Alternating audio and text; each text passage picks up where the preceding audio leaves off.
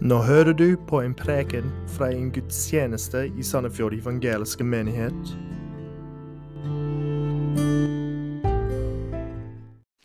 So it would be difficult for me to look out in the field if I were a farmer to know how many cows are out there. Has anyone stolen my horses? I can't see a thing.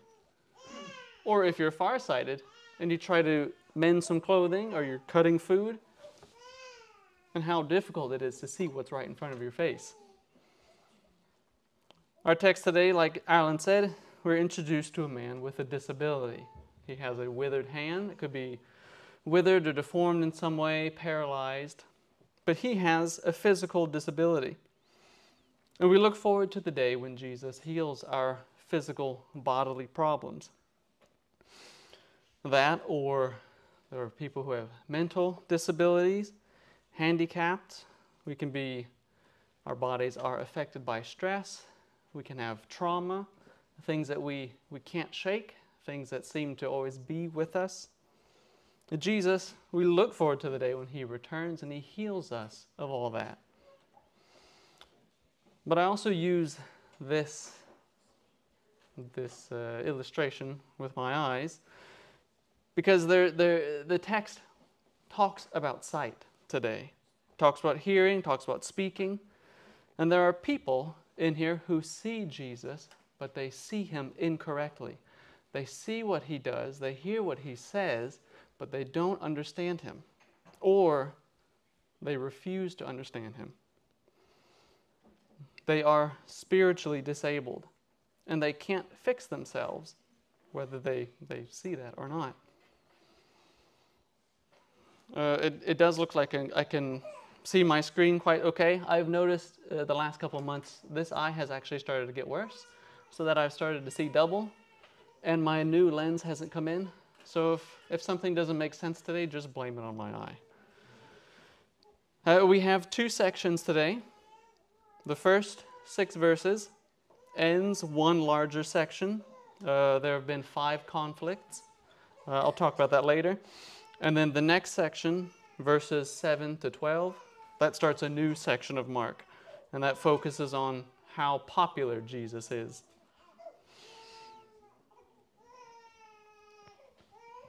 Now, in chapter 1, we saw how Jesus, the Son of God, comes and fulfills Scripture. John the Baptist came to announce the, the way of the Lord, as the Old Testament prophesied, as Isaiah spoke of. And that Lord who comes is a Middle Eastern Jewish man in the first century who comes announcing that he's bringing the kingdom of God. And he shows that he's bringing God's kingdom by preaching with authority, healing illnesses and sicknesses, and casting out demons. Now, Jesus is wildly popular. The last verse of chapter 1 tells us that, that Jesus was out in desolate places, so basically the desert, the wilderness, and people were coming to him from every quarter. Everyone loves Jesus, everyone wants to meet him so they can be healed. But already, by the time we get to chapter 2, we see that there are problems. And as I understand it, there are five scenes of conflict.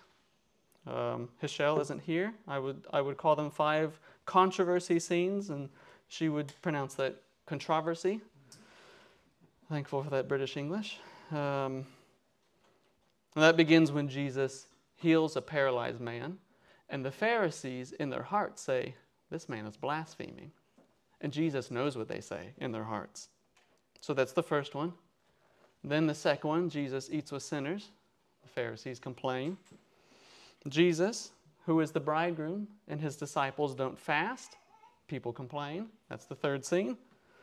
The fourth one is that his Jesus' disciples pluck grain on the Sabbath. Of course, the Pharisees complain.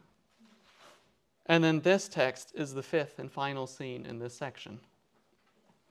Now, in these scenes, Pharisees and scribes, and uh, I think in the third one, John's disciples come up to Jesus and they either ask Jesus, Why do your disciples do this?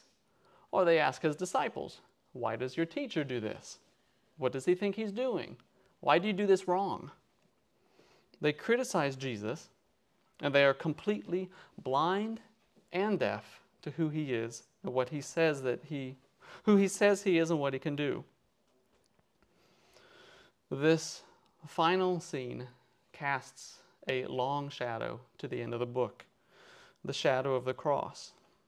And it also gives us an insight into the hearts of at least some, or maybe many, of the religious leaders in Israel. It shows us the spiritual sickness that was going on. So in verse 1 of chapter 3, again, he, being Jesus, entered the synagogue, and a man was there with a withered hand. Jesus enters the synagogue again, like he did before. Last time he did this in chapter 1, he met a servant of Satan, an unclean spirit. You can read about that in verse 23 of chapter 1. This time, he meets a few more servants of Satan, and they are ones who have hard hearts. In this synagogue, there is a man who needs help. And like the paralytic whom Jesus healed, this man has a limb that he can't use. It's deformed or it's paralyzed. But he happens to be in the synagogue on the same day that Jesus decides to go to that very one. And in verse 2, they, being the Pharisees, watched Jesus to see whether he would heal this man on the Sabbath so that they could praise God, so that they could rejoice. Yes, someone else who gets this new creation healing in them. No, it says so that they might accuse him. According to Exodus 30, Andra Mosebok, Kapitel 30, breaking the Sabbath was supposed to bring a death sentence. So the Pharisees, the, the religious leaders of Israel, want to take something wonderful that Jesus does and turn it into something evil. And they sit there waiting for him to do this. Jesus forgives a man his sins, and in their hearts, the Pharisees say that Jesus is blaspheming. Now, the Lord of the Sabbath is going to heal a man on the Sabbath, and they want to accuse him of breaking the Sabbath. Never mind that this man, having his deformity because of the law, couldn't go into the temple to worship God. Never mind that he then gets healed and can now go into the temple to worship God. They don't care about that. They want to trap Jesus into healing him on the Sabbath. But in, in doing that, they, they actually admit Jesus can heal people. But that should, if Jesus can heal, and he's not a magician, that should tell them something about his identity. He really can heal people. So are they, are they just stupid? Are they that blind? Do they just absolutely not care? How can they not really see who he is? But we'll continue. In verse 3, Jesus said to the man with the withered hand, Come here. This is the only place in the Gospel of Mark where Jesus initiates a healing. Every other place, he goes up to someone and either asks them, uh, Would you like to be healed? Or someone comes up to him and says, Can you heal me? Can you heal my daughter? Can you heal my servant? Jesus knows what's, what's going on, he knows the trap. He is intentionally pushing on it.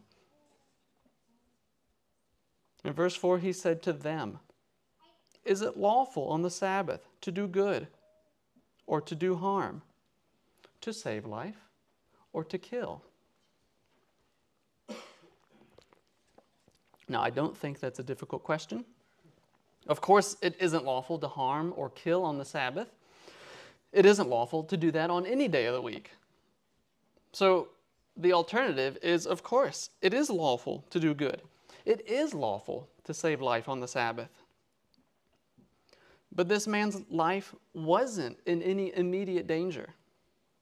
Yes, his withered hand is very inconvenient, überleilich, but his life is not in any immediate danger.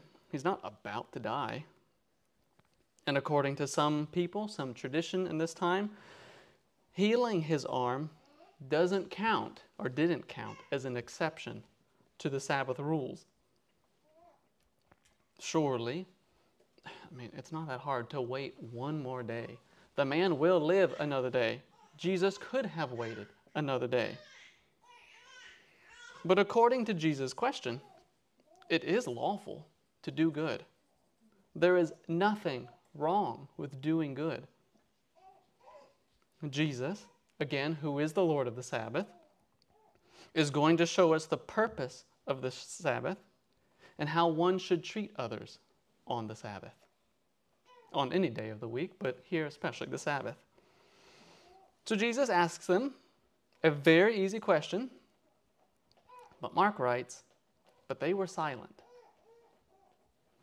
If the Pharisees say, it is lawful to do evil, well, everyone in that synagogue is going to start a riot and they'll be out of their jobs.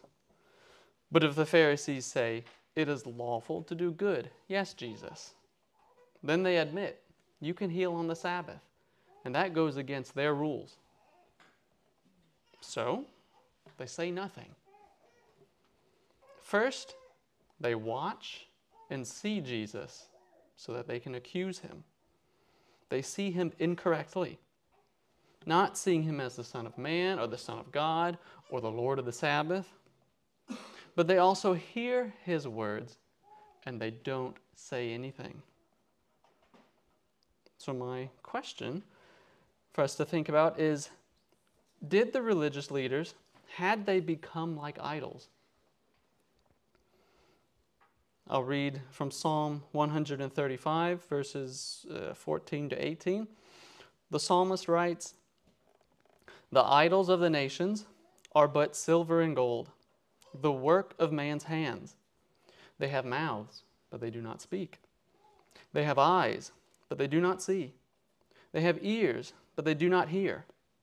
Nor is there any breath at all in their mouths. Those who make them will be like them. Yes everyone who trusts in them.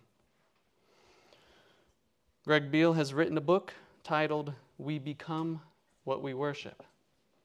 So, if you worship idols, you become like that idol. You become blind and deaf and dumb, mute. Author, theologian Thaddeus Williams writes A person will worship something.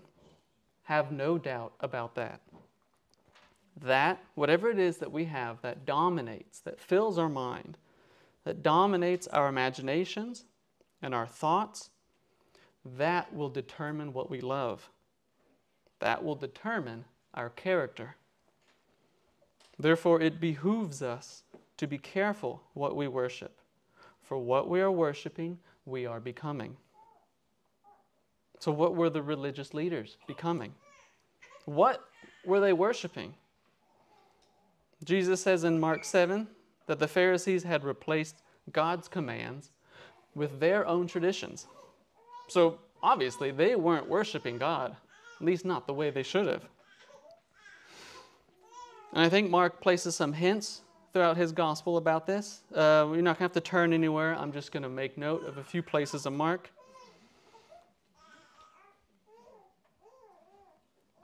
Where's that? So when Jesus stands before the Sanhedrin in Mark 14 and 15, some scribes and Pharisees stand up and they lie. They make up a story and say, We have heard this man say, I will destroy this temple that is made with hands, and in three days I will build another, not made with hands. This is interesting because Jesus doesn't say this at all in Mark. He says something similar in John chapter 2 if you destroy this temple, I will raise it up in three days. The leaders thought he was talking about the physical building, the temple, but Jesus was speaking of his own body. However, another reason why this sentence is, is interesting, even if they made it up, is that yes, the temple was made with hands, but the phrase to be when something is made with hands in the Old Testament often refers to idolatry. So, in one of the verses that I just read, the idols of the nations are but silver and gold, the work of man's hands. So, how could the temple, if this is correct, how could the temple be an idol? Well, that's easy because anybody can turn anything into an idol. In Mark 13, Jesus walks out of the temple, and one of his disciples says, Look, teacher, what wonderful stones and what wonderful buildings. The temple is beautiful. Of course, people would want to go to it to worship God. It was meant to symbolize God's glory. However, in chapter 11, Jesus condemns temple leaders because they turned the temple from being a house of worship to God into being a den of robbers. They ripped people off and stole their money. So, this temple that's made with hands has become an idol to at least some of the religious leaders. They used it as a way to have status, to be seen as good and glorious teachers, and to get money. Now, Jesus tells his disciples in Mark 7 For from within, out of the heart of man, come evil thoughts, sexual immorality, theft, murder, adultery, coveting, wickedness, deceit, sensuality, envy, slander, pride, foolishness. He has a long, a long list. All of these evil things come from within. They defile a person. And so the Pharisees, who are supposed to be pure and clean and everything, when they stood before Pilate and lied about Jesus, Mark tells us that Pilate perceived that the chief priests wanted to deliver Jesus out of envy. They were jealous of Jesus. Jesus was crazy popular, and they wanted the glory, not him. And one more section in Mark 12, the parable of the tenants, which I believe is called Lignelsen om forpakterne og arvingen. The tenants, who should have been taking care of the vineyard, wanted to kill the heir the son of the vineyard owner so that they could receive the inheritance. I don't know how they thought they would, that would work. Let me kill the son and we'll, we'll get the prize, but that's what they thought.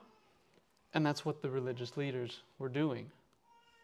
They wanted this so badly that they actually become deaf and blind and mute, like idols, in the presence of God who came in the flesh, who is standing and talking to them to their face.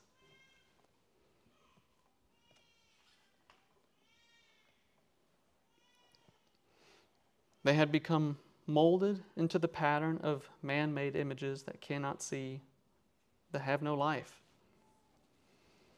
In verse 5, he looked at them, he looked around at them with anger, grieved at their hardness of heart and said to the man, Stretch out your hand. He stretched it out, and his hand was restored. Throughout Mark's gospel, it is Jesus who can truly see. In chapter 1, Jesus saw the heavens being torn open at his baptism. God the Father says, This is my beloved Son. This is the Son of God. In chapter 2, he saw the faith of the paralytic's friends. In chapter 6, he sees a crowd of people, and while his disciples say, Send them home, Jesus sees them as being sheep without a shepherd. At the end of chapter 6, he sees his disciples struggling on the boat, rowing in the storm, in the darkness. Not only does he have correct vision all the time, he calls his listeners to have correct vision. He says, Watch out. Beware of the leaven of the scribes and the Pharisees. Do not be like them. In chapter 13, he says over and over again, See that no one leads you astray.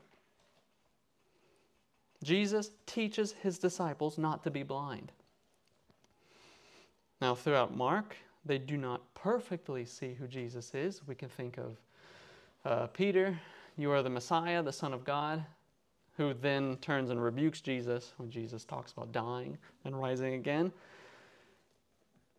They weren't completely blind, they had some understanding, but they couldn't see completely.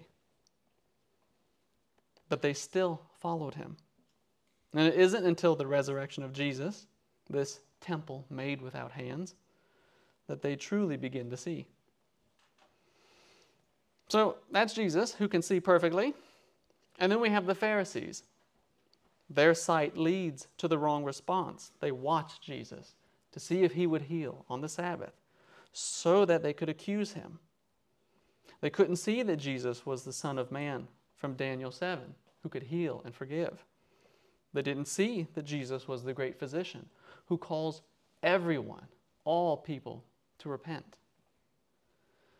They couldn't see that Jesus was now the bridegroom. In the Old Testament, Yahweh is spoken of as the bridegroom, Israel is the wife.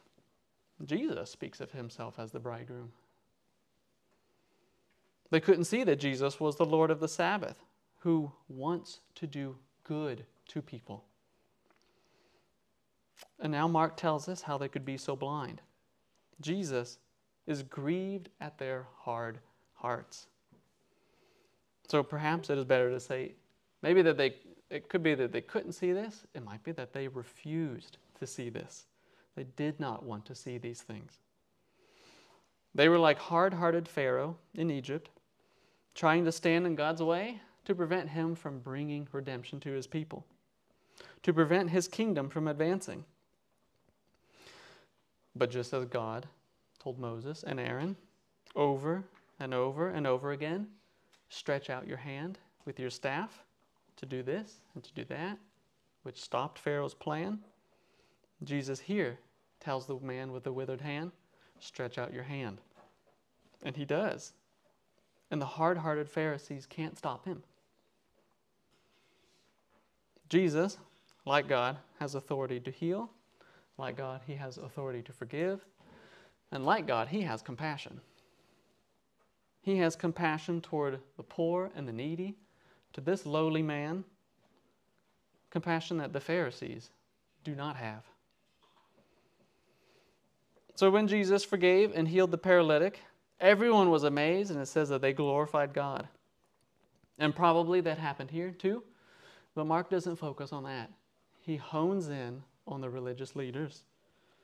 Verse 6 As soon as Jesus healed this man's hand, the Pharisees went out and immediately held counsel with the Herodians against him on how to destroy him. The Pharisees, they didn't speak, they didn't answer Jesus' question. But according to the way that they acted, it's as if they're saying it is lawful to do evil on the Sabbath. No, Jesus, you cannot heal people. Even though he didn't even touch the man, he only spoke. No, you cannot heal people. Yes, we can go out and plot your death. That's okay. And they did it with their enemies. The Herodians were a group of people who supported King Herod. They were pro Rome as a government, uh, pro Greek culture, which the Pharisees were completely against. They didn't want Rome to occupy Israel. They wanted God to bring his kingdom in the way that they thought he should. However, I don't know what this is in Norwegian. Maybe it's very similar, but in English we say that the enemy of my enemy is my friend. I hate this guy. I hate you, but you hate this guy too. Let's work together, take this guy out. Then afterward we can hate each other again, but let's just get this guy first. And so they start working together, and we see them a few times after this in Mark's gospel and in the other gospels. Now, of course, this, this is stupid and absurd. They should have praised God. They should have realized that leaving immediately on the Sabbath before the synagogue service had finished to plot anyone's death is wrong. But jealousy makes us do wrong things, it makes us do stupid things. Do we ever do this? Do we ever make up our own rules like the Pharisees? I know we have different cultures in this room. I know even within Norway, you have different cultures depending on East Coast, West Coast, North, South, whatever. Um, in America, I'm from the South, so we have what's called Southern hospitality. Um, and then the North, like in the North here, there's more cold culture. And then, you know, that's, every state is kind of its own thing. You even have different family cultures. Can have in Louisiana, Every family can be different, things that are okay to do, ways that you behave yourself at the table, jokes that are okay to say, jokes that are not okay to say, things that you do or don't do. Do we ever judge somebody, maybe another Christian, because they don't do something the way we think they should, or the way that we believe it should be done? We think, okay, the Bible doesn't, doesn't really mention this specific thing. So I'll, I will be the one who declares, this is how we do it, because this is how I've always done it. And obviously, everyone should do and think and be just like me. But then we don't like when someone else does something a different way than us. They don't follow our rules. Maybe when someone receives some sort of blessing or a gift, they get something new, and we're having a hard time, something we wish they had. Do we ever get really jealous? Like maybe we tell them, you know, good job, I'm glad you got that. Uh, it's great that you got that new, whatever, that new car. But then secretly, maybe in our hearts, we don't admit to anyone, but we think, man, I hope that thing breaks. I hope you get stuck somewhere and you really learn your lesson. Now, that's a, I hope that's a silly and extreme thing, but we become what we worship. So, for example, if we worship money, we don't, we don't become wrinkly paper. But unlike Jesus, money is mindless, it is heartless, it is loveless. Thaddeus Williams again writes If you worship money long enough, even the best things in us remain dark, and we slowly appear as dumb and uncaring as cold hard cash. Now, if Jesus can heal paralyzed legs and withered hands, if he can forgive sins, he can heal hard hearts as well. He came and said, Repent. That means that people could repent. They could listen in a way, just as when he told the man with the withered hand, Stretch out your hand. The man could have said, uh, No, I'm not going to do that in front of everyone. You called me up into the middle of this room to, to ask me to do the one thing I can't do? No, you jerk. But he didn't say that. He did it, and his hand was healed. Is this not our hope? When we have family or friends who don't believe that our King heals hard hearts, we know He has healed our own hearts and continues working on them with our jealousy or our anger or our desire for anything else than God and what He wants for us. Now, after this, the scribes and the Pharisees are constantly hounding Jesus, watching him, interrogating him, trying to trap him, arrest him, kill him. They charge Jesus with blasphemy again in Mark 14 when Jesus claims to be the Son of Man in front of the high priest. And then it's then that we see the bridegroom being led away to the cross to be crucified for all of our impurity, all of our sin and our wickedness. But even the Pharisees and their hard hearts can be healed. In the book of Acts, we, we read about some Pharisees turning to Jesus, the most famous, of course, being Paul. We know that Jesus heals hard hearts, and he died to do so. Now, the next section is verses 7 to 12. Uh, that will go a bit quicker. Verses 7 to 12, Jesus withdrew from there. Some might translate that as he fled. The same word occurs in Matthew a few times that when opposition comes, or when Herod says, Okay, I'm going to come and kill people, that his family withdrew or they fled, they go away. Um, I don't have any specific verses for that, but it's there. What we read in these verses is similar to earlier texts in Mark 1, so I don't need to go into much detail here. But things in this section start to be bigger. What do I mean? Well, in verses 7 to 8, Jesus withdrew from, with his disciples to the sea, and a great crowd followed. Now, before this, in chapter 1, we only read that Jesus really has influence within the region of Galilee. But now, people come from Galilee, his home ministry, and Judea and Jerusalem in the south, and Idumea, Idumea, yeah, on the southern border of Israel, and then from beyond the Jordan, that was to the east, and then up in Tyre and Sidon in the far north, which probably meant that now Gentiles too were hearing about Jesus' ministry. And when the great crowd heard all that he was doing, they came to him. But unlike in Mark 1, when it, where it says that people came to Jesus from every quarter, from every area, now they mob him. Not mobbing like bullying, but there's just so many people. There's, it's almost a riot. He needs to get into a boat.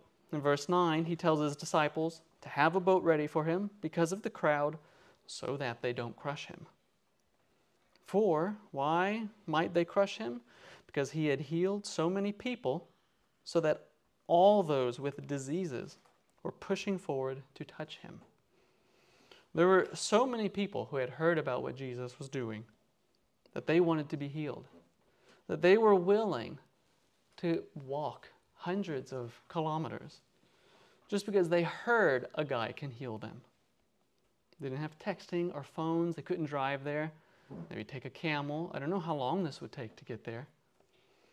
But because they were so diseased and sick, they were willing to do anything and go any distance to get to Jesus. The Pharisees are worried about Jesus keeping purity laws. Jesus is purifying everyone. Everyone touches him, he touches them, and they're healed. They are no longer ritually impure, they are no longer sick, they are no longer diseased, they are clean according to the law. But this scene also gives us a picture of life during this time. Now, everyone always gets sick. Uh, the winter season is coming. I can't wait. Uh, I can't wait for my kids to get sick and then for me to get sick. But we have hospitals, we have free health care, sick leave, and sick pay. These people are desperate. They can't continue living normal lives with these diseases. They can't work. They can't live normal lives. They certainly couldn't go worship in the temple and not in any of the synagogues either. They can't touch anyone. Other people will get sick. So imagine, we just saw Israel's religious leaders. They didn't care that there was a man with a withered hand who got healed. But we see the desperate situation here. That's just one guy. This is everyone. Everyone, it seems, is sick. And Jesus is ready. He's ready to heal them and preach to them. Now, as I said, things are bigger in this section. We have seen Jesus heal, but the conflicts and the healings get bigger and greater. He not only preaches on a boat on the water, he's going to rebuke a storm on the sea. He not only casts out a demon here or there, but a legion of demons inside of someone. He raises the dead. Jesus is wildly popular. He was wildly popular in, cha- in chapter 1. And even with the controversy stories, he's even more popular now. And yet, at the same time, his own family hardly believes him. In chapter 3. In chapter 6, he goes to his hometown, and hardly anyone gets healed because they think, they say, Is this the carpenter's son? What can he do? What is this wisdom that comes from his mouth? Where did he learn this? Unlike the Pharisees with their unclean hearts, in the next two verses, even the unclean spirits recognize who Jesus is and they obey him, even though they still do not follow him. In verse 11 and 12, the defiling spirits, whenever they saw him, Again, we have this sight language. They would fall down before him and cry out, You are the Son of God.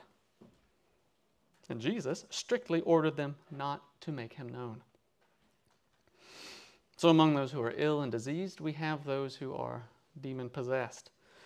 Uh, there are many who read these stories and they, they just think it's not demon possession, it's just more who are either mentally ill or they're sick. But the text tells us Jesus is healing people who are sick and he is also casting out demons. They were two separate things. And while the crowds would fall upon Jesus, crowding him out, the demons would fall before him and declare who he really was. Even what they're doing is a small picture of that final day that we read in Philippians 2 when every knee, everywhere will bow and confess, and every tongue confess that Jesus Christ is Lord. But when everyone does it, it is to the glory of the Father. Here, the demons are not trying to glorify God. They're not trying to praise Jesus' name. They're announcing the one who is greater than them. And Jesus strictly orders them not to do that. Why not? It's free press. Like, why not just have everyone know this is the Son of God?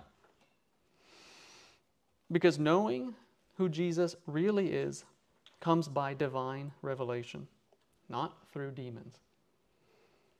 Mark doesn't tell us how these demons could cry out that Jesus was the Son of God without all these hundreds of thousands of people hearing. But the focus is still on what Jesus does. He tells them to be quiet, he rebukes them. People would have misunderstood what Son of God meant. They would have heard it as a messianic title. Jesus has come, he's going to take down Rome and set up his own kingdom. The demons are not allowed to make known who Jesus is. Because even though what they say is orthodox, it is correct, unlike, unlike what God the Father says, this is the Son of God in whom I am well pleased, they are not well pleased in Jesus. They don't bow down and repent. They saw him for who he really was, but still they did not want to follow him. The crowds see Jesus as a healer. The Pharisees saw Jesus as just a nuisance who needed to be put down and killed. What do we, who do we see Jesus as? Are we disappointed that life isn't easier? That we aren't healed? That we have whatever issues going on in our lives? That we aren't blessed in the way that we wish we were? That we have conflict? Next week, we'll see that Jesus does appoint 12 disciples. He does have people who will go out and tell other people who he is.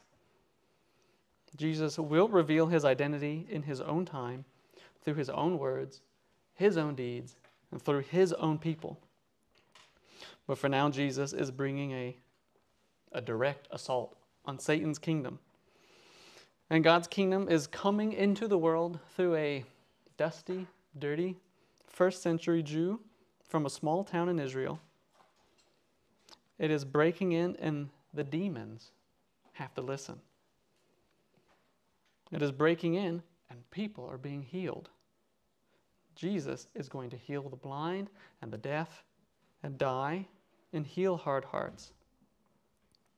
Because God's kingdom has been brought by Jesus, we can stand here today and know that we have been saved we are being saved, and we will be saved when Jesus comes back and rescues us. Let's pray.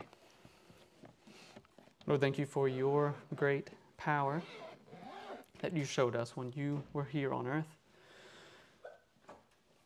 Your power that we can read about, your care and compassion to heal the needy and the lowly and the sick your desire that they would know who you were, who you are.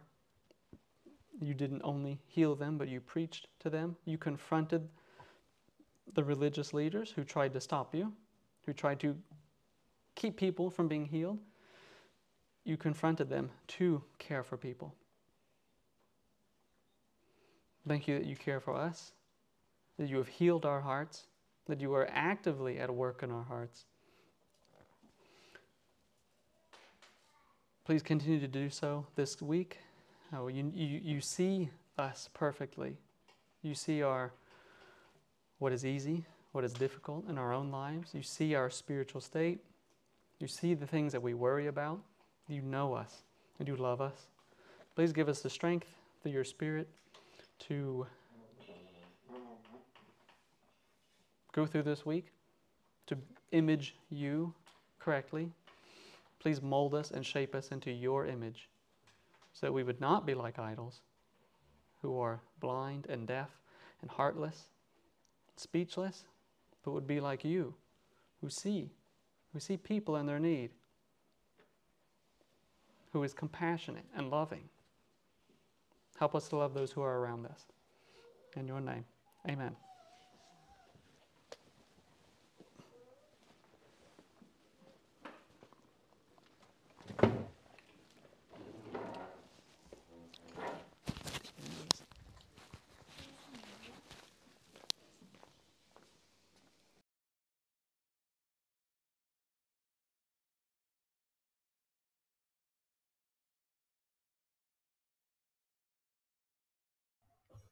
Takk for at du hørte på denne prekenen. Ønsker du mer informasjon, besøk sandefjordevangeliske.no eller vår Facebook-side Sandefjord evangeliske menighet.